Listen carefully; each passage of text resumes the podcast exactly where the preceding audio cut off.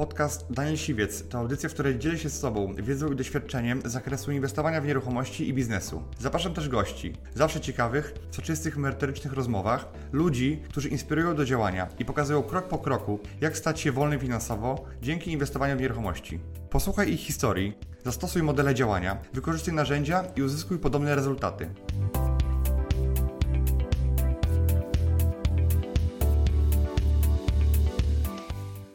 Cześć, witam Was serdecznie w moim starym, ale to nowym programie albo w nowej odsłonie Telefon Show. Dzisiaj będę dzwonił do osób, które mają do mnie pytania, e, tak żeby skonsultować pewne rzeczy, żeby poradzić, dowiedzieć się.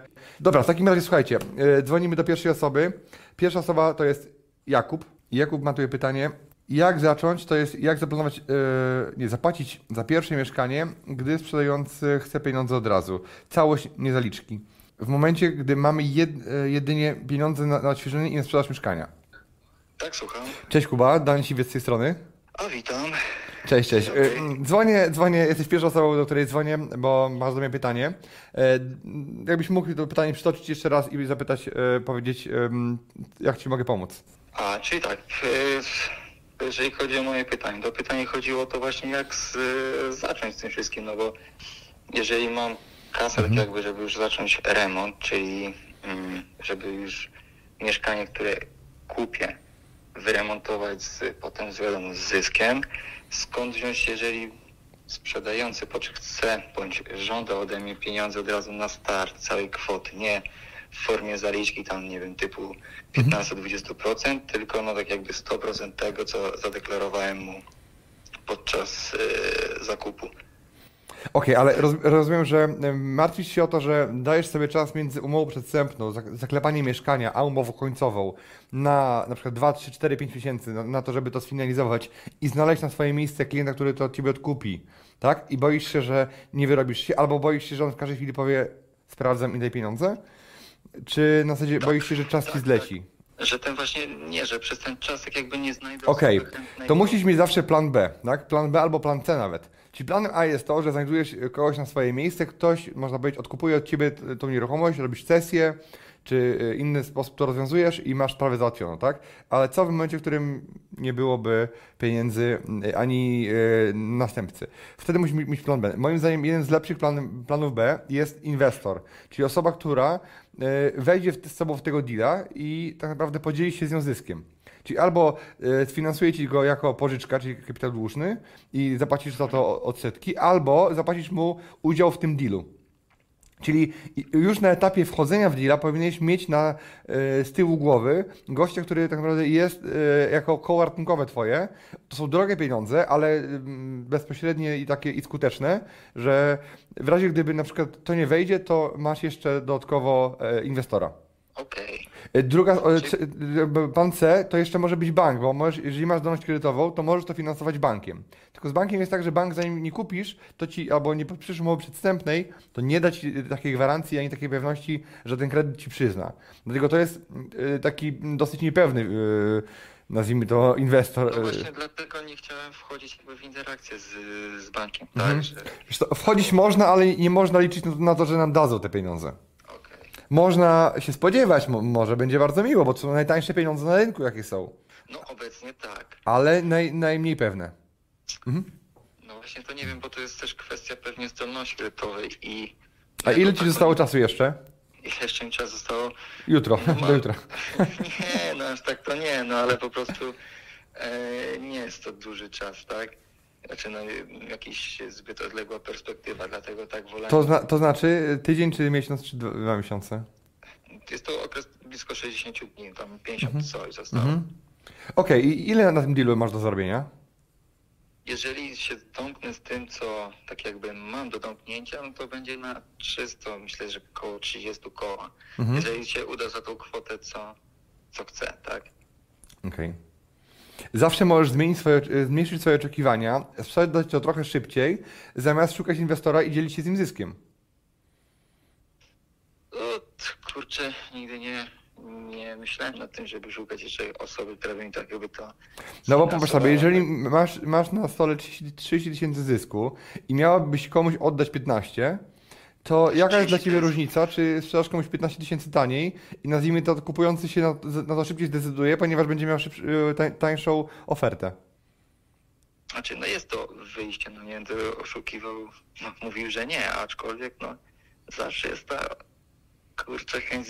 No wiadomo, że chciałoby się więcej, tak? I, że chciałoby się, ale słuchaj, no musisz mieć te, te, te opcje alternatywne, tak? Na pewno na tym nie stracisz. A gdzie, gdzie to mieszkanie kupiłeś? No, w naszym mieście, Lublin. A, w Lublinie, tak? O.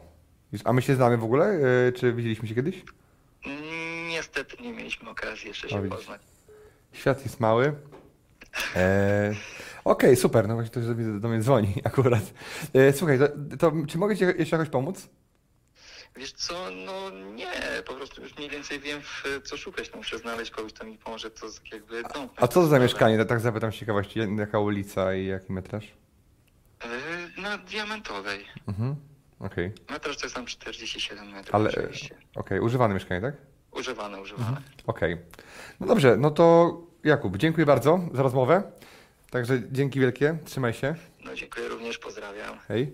Okej, dzwonimy do innej, do kolejnej osoby, tym razem do Dawida. I Dawid miał pytanie, dlaczego według Ciebie szacowanie ceny mieszkania za metr kwadratowy jest niemiarodajne? W jaki inny sposób i w jakim razie oceniać potencjał? Czy to jest okazja? Cześć Dawid, Daniel Siwiec z tej strony. Cześć Daniel, miło, że dzwonisz. Cześć. E, super, jak Ci mogę pomóc, powiedz mi? E, w czym Ci mogę pomóc? Wiesz co, y, strasznie jestem ciekawy jednej rzeczy, dlatego że e, kiedyś byłem u Ciebie na którymś z webinarów e, i zaskoczyłeś mnie szczerze mówiąc, e, ocenia, e, mówiąc, że jakby oceniasz wartość mieszkania nie kierując się ceną za metr kwadratowy. No i chciałbym coś więcej na ten temat, dlatego że no jakby dla mnie pierwszą taką wytyczną gdzieś tam przy porównywaniu mieszkań to na myśli piętra, lokalizacji i tak dalej, jest jednak metr kwadratowy i do tego się zawsze odnoszę i zaskoczyłeś mnie. Jakbyś mógł coś więcej mi powiedzieć. Okej, temat. bo wiesz to, ocenianie mieszkania, znaczy inaczej, wycena mieszkania, analiza mieszkania pod kątem metr, ceny za metr to jest jeden z wielkich, większych błędów, jeżeli mówimy o rynku wtórnym. Bo na rynku pierwotnym tak to się posługuje. e, Jakby cały rynek operuje em, cenami za metr. Natomiast no już nie będę tłumaczył jakby dlaczego, skąd to wychodzi, tak? Ale rynek pierwotny działa na innych zasadach i in- innymi prawami się rządzi. Rynek wtórny jest całkowicie innym rynkiem. I teraz chodzi o to, że ludzie, jak przede wszystkim liczy się ludzie, którzy kupują od ciebie te mieszkania. Oni, jak e, chcą kupić mieszkanie, nie patrzą, ile mają e, jakby. Nie patrzą, ile mieszkają chodzą z metra, tylko patrzą po pierwsze na swój portfel, na ile ich stać. I patrzą na swoje potrzeby, czyli mają tyle dzieci, to potrzebują tyle pokoi. Mają tak duże rodziny, to potrzebują tak dużego mieszkania. Czyli patrzą przez pryzmat, jeżeli ktoś jest kawalerem, to nie kupuje sobie 100 metrów mieszkania. Zazwyczaj, zazwyczaj. Nie, nie mówię, że nigdy, nie, ale jakby jak ktoś jest kawalerem, to raczej szuka mieszkania, y, raz, na, na którego stać, a dwa, że na, na, na jego potrzeby. I, I teraz, jeżeli um, przede wszystkim dla rodziny jest najważniejsze dwie rzeczy: potrzeby, albo dla klientów kupujących, i druga sprawa budżet, który mają. I budżet określa się nie w metrach, w cenach za metr, tylko w cenach całkowitych. I teraz jest, jest zawsze pytanie, kochanie, czy stać nas na to mieszkanie? Czy mamy tyle pieniędzy? Czy mamy taką zdolność kredytową? A zdolność kredytowa jest wyceniana y, tylko i wyłącznie w kwotach total, całkowitych, nie w kwotach za metr. Bank nie mówi, masz zdolność do 10 tysięcy z metra, tylko masz zdolność do tylu i tylu set tysięcy. Tak? I jakby e, oni muszą zestawić tą swoją oczekiwania, budżet i zdolność razem z tym, co, co daje rynek. I teraz rynek na rynku wtórnym nie wycenia met, mieszkań po cenie z metra. Ludzie często wyceniają, znaczy ludzie wyceniają, ale i też ludzie kupują po cenach całkowitych. To znaczy, e, ktoś chce tyle za takie mieszkanie. I, i bardzo taki pułapka polega na tym, że masz często mieszkanie, które jest na tym samym piętrze, to często mówię na swoim szkoleniu, że jest na tym, tym samym piętrze, w tym samym bloku, na tym samym osiedlu, jedno mieszkanie będzie miało 46 metrów i będzie miało idealny rozkład, nawet miał- będzie miało trzy pokoje, salon z balkonem i oddzielną kuchnię jeszcze. I rozkładowa będzie, yy, załóżmy, prawo-lewo. A drugie mieszkanie będzie miało 52 metry, będzie miało długi, kiszkowaty korytarz, przejściowy salon, na końcu yy, sypialnię i yy, można powiedzieć, że ku- kuchnię też przejściową, tak? Więc i też będą, będą dwa pokoje, nie trzy, yy, na tym samym piętrze, w tym samym bloku, jeszcze brak balkonu. Więc takie mieszkanie często, mimo tego, że jest większe, może być nawet gorzej wyceniane. Może być, jedno może kosztować 330, a drugie to większe może kosztować 310. Być warte tyle. Z tego względu, że mimo tego, że jest więcej metrów, to te metry są w korytarzu, czyli są w mało efektywnie wykorzystywanej przestrzeni. I tak naprawdę ludzie mówią, dobra, ale ja wolę mieć mniejszy metraż na papierze, ale mieć lepszą funkcję tego mieszkania, tak? Tak.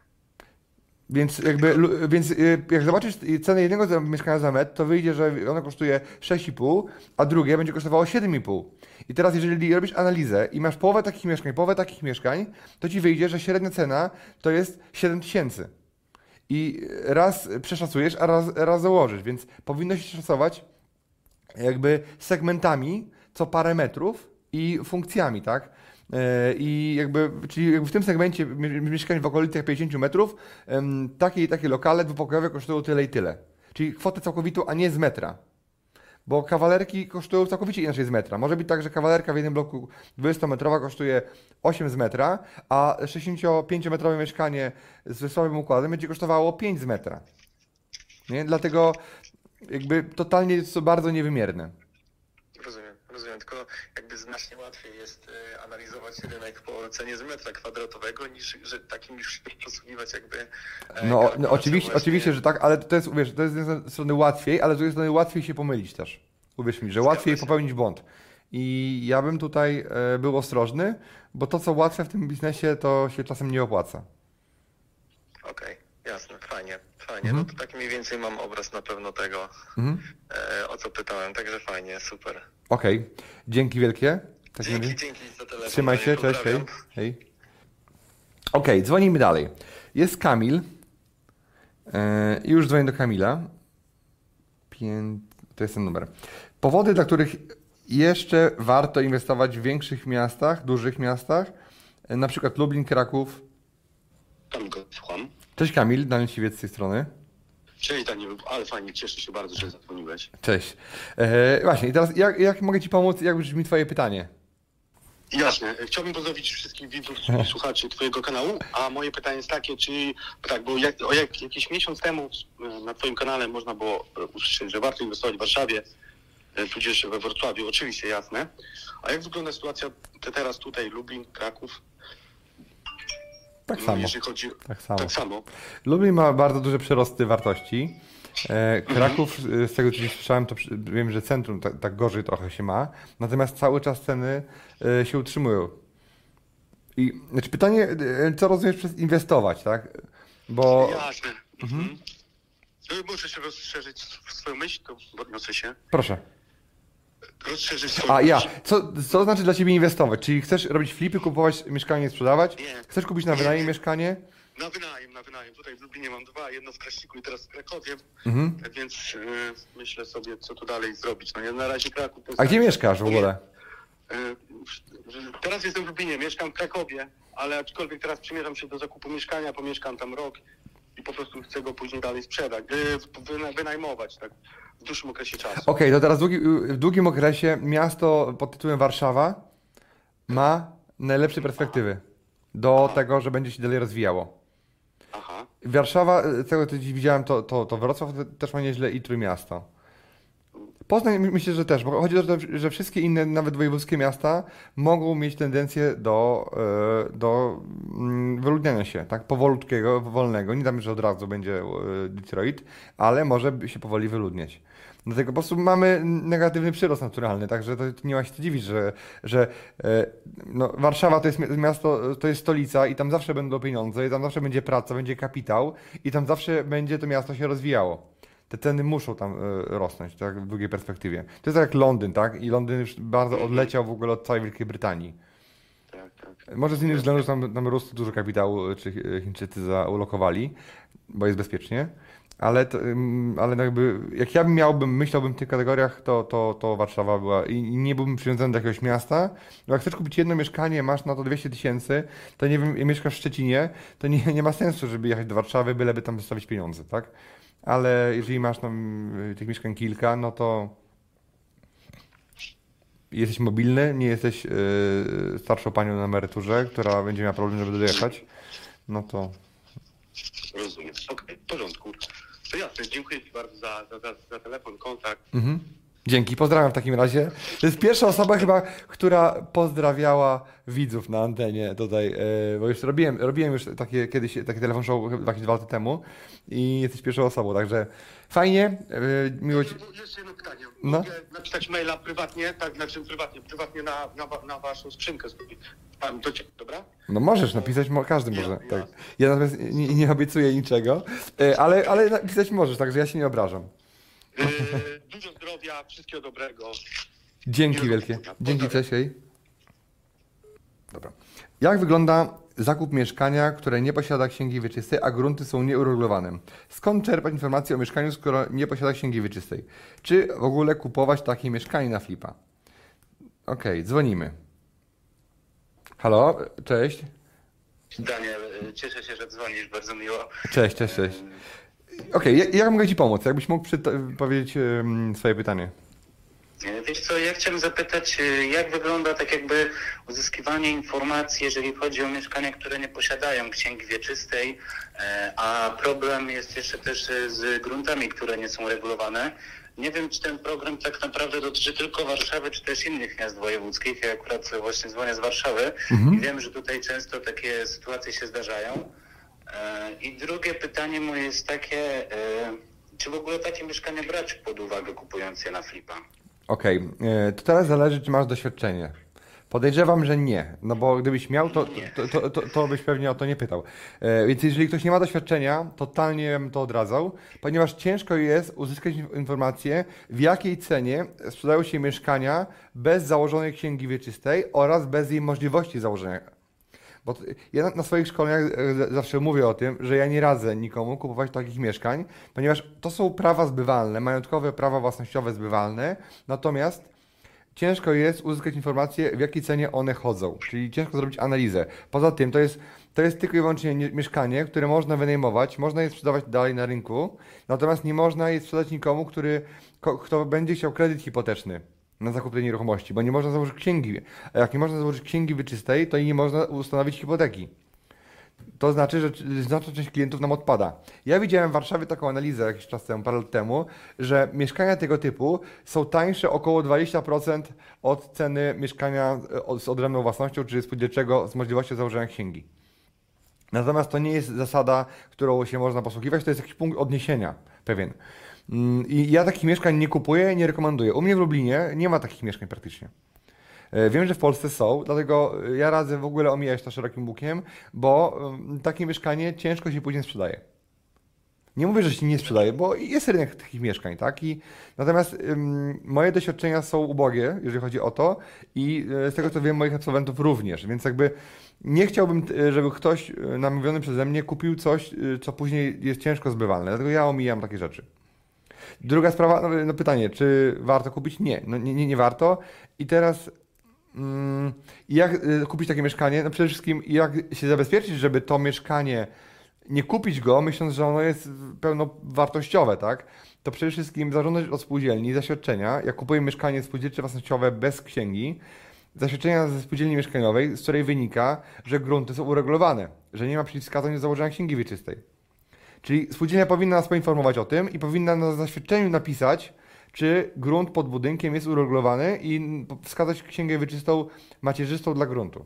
Rozumiem, właśnie tak też zastanawiałem się, e, bo ja też przeglądałem gdzieś tam oferty e, na różnych portalach i w Warszawie, na przykład tutaj na południu, na Ursynowie, dużo było właśnie takich ogłoszeń, że e, nie posiada księgi wieczystej, albo właśnie grunty są nieuregulowane i też bardzo mnie to zaintrygowało, właśnie stąd moje pytanie. e, Okej, to to, że nie posiada księgi wieczystej, spółdzielcze własnościowe prawo do lokalu, to nawet i dobrze? Ja zawsze mówię, że w takim razie traktuję to jako wadę i negocjuję o to cenę. Natomiast to, że nie ma księgi wieczystej, to nic nim nie przeszkadza. Gorzej, jak, są, jak mieszkanie jest na gruntach, które są nieuregulowane i nie można tej księgi założyć. To już jest wtedy problem, wtedy wartość tego mieszkania jest niższa. I to by się wydawało, że to jest potencjalna okazja, ale to nie jest okazja, to jest defekt tego mieszkania, przez co sprzedający e, jest zmuszony, żeby zmniejszyć wartość tego, te, te, albo cenę tego lokalu. A powiedz mi, y, jak mniej więcej y, wygląda taki proces zakładania tej księgi wieczystej, że ona nie jest założona, ale jest możliwość. Mniej więcej ile to trwa? Y, Czy to jest proces kilkutygodniowy, miesięczny? W Warszawie to trwa tyle, co, co każda czynność w sądzie wieczysto-księgowym, czyli pewnie parę miesięcy. Aha, dobra, czyli tutaj trzeba by było też ewentualnie poprawkę dać na to, jeżeli chodzi o późną dalszą Tak. I teraz no, jest taka zasada, że się, jeżeli mm, zakładasz księgę wieczystą, yy, czyli tak, jeżeli kupujesz mieszkanie bez księgi i chcesz je sprzedawać, to możesz je od ręki sprzedawać na drugi dzień, tak? Ale jeżeli tą księgę zakładasz, albo i ona już jest i się do niej wpisujesz, to musisz poczekać, aż cię wpiszą prawomocnym wpisem jako właściciela, żeby nią dysponować. Dlatego to nie jest takie kolorowe. Ja księgi nie zakładam nigdy, jak kupuję mieszkanie. Jeszcze jakbym mógł ja zadać jedno pytanie y, odnośnie właśnie remontu, na przykład jeżeli chodzi o mieszkanie ze spółdzielczym własnościowym prawem do lokalu, y, czy wymagane jest tak załóżmy powiedzmy zgłaszanie takiego gene- generalnego remontu do spółdzielni i czy to robisz, czy, czy raczej próbujesz tego umijać? Jak podchodzą do tego też spółdzielnie? Im spółdzielnia mniej wie, tym ty dłużej żyjesz.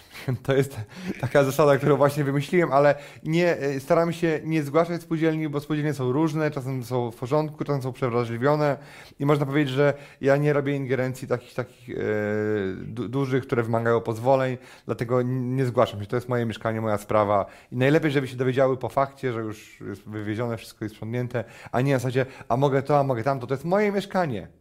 Kropka. Oni nie mogą do niego wejść, chyba że sytuacja zagraża zdrowiu i życiu. Tak? I tyle. To tak samo jak policja. Dlatego im, jeżeli no tak naprawdę nie ma rzeczy poza wymianą liczników e, albo, nie wiem, wy- wyrzuceniem gazu e, z lokalu, gdzie nie ma licznika, żeby spółdzielnia ingerowała w to, w lokal. Rozumiem, a jeżeli na przykład wchodzi w grę tak jakby z y, zmiana tego układu i zmiana y, załóżmy ścianek jakichś tam działowych, to wtedy to musi być zgłoszone do spółdzielni, czy też niekoniecznie? Niekoniecznie. Ścianki działowe są to elementy ruchome. Dlatego to jest jak meblościanka, tak? Stawiasz ją w innym miejscu i masz dwa pokoje. Nie no, śmieję się oczywiście, yy, ale ściany działowe są często e, elementami niekonstrukcyjnymi, więc tak naprawdę no, spółdzielnia może kazać ci, o, proszę nas zapytać, bo może to jest ściana nośna i pan chce ją wyburzyć i tak dalej. No ale jak ktoś ma łeb na karku i nie robi jakichś e, tyrków, no to ja się nie, nie boję o to. A jak się będziesz pytał, to, to może być tak, że oni ci powiedzą, że się nie zgadzają. Tak? I po co mi iść z nimi na, na, na jakąś tam e, wojnę, jak ja sobie zrobię, co mam zrobić i na zasadzie już trudno, było, minęło. Tak było, proszę pana, jak kupowałem i tyle, no. Dobra, teraz mamy Pawła. I Paweł pisze, czy domy szeregowe są popularne w Polsce? Czy to dobry pomysł na pierwszą inwestycję deweloperską? Cześć Paweł, Daniel Siwiec z tej strony. Świetnie, że, e, że zostawiłeś komentarz. Jakbyś mógł e, powiedzieć, w czym ci mogę pomóc? E, Słuchaj, Daniel, ja chciałem zapytać, czy Twoim zdaniem domy szeregowe są popularne w Polsce? Mamy już na, na koncie kilka flipów zrobionych radą e, i zastanawiamy się nad wejściem w deweloperkę. E, z tym, że tych e, nieruchomości domów szeregowych nie ma za bardzo w tej okolicy, aczkolwiek według mnie byłaby to fajna m, pierwsza inwestycja, żeby zacząć w deweloperce. Co ty o tym myślisz? Myślę, że fajnie. Pytanie teraz tak. Dlaczego się pytasz o Polskę? Czy jesteś z zagranicy? Mieszkałeś za granicą? Znaczy, ja miesz, mieszkam obecnie w Niemczech.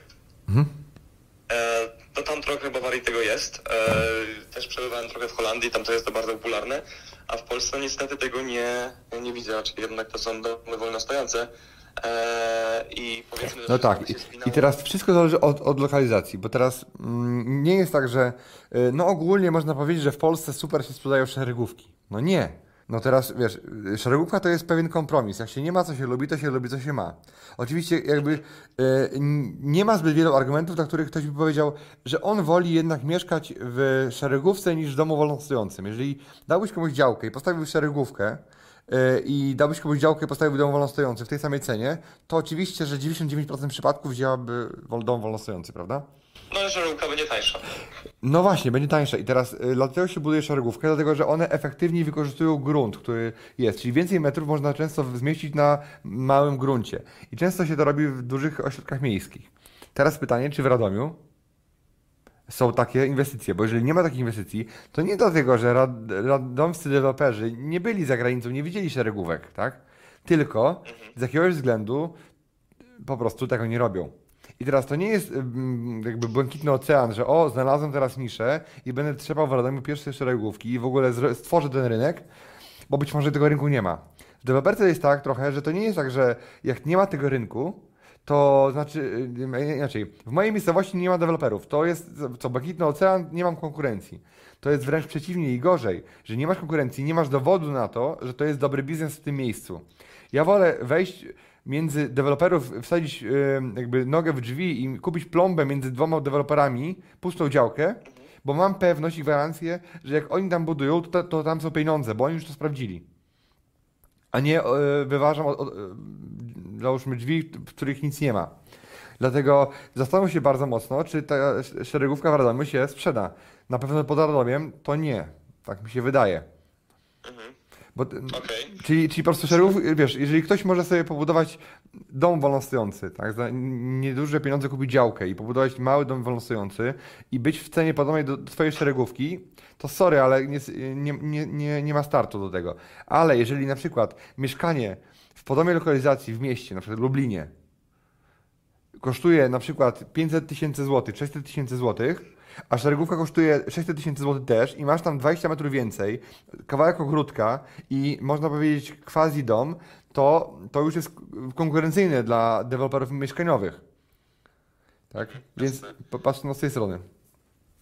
Znaczy my też patrzyliśmy, em, powstawały spore inwestycje e, w domy szeregowe w Zwoleniu tak naprawdę.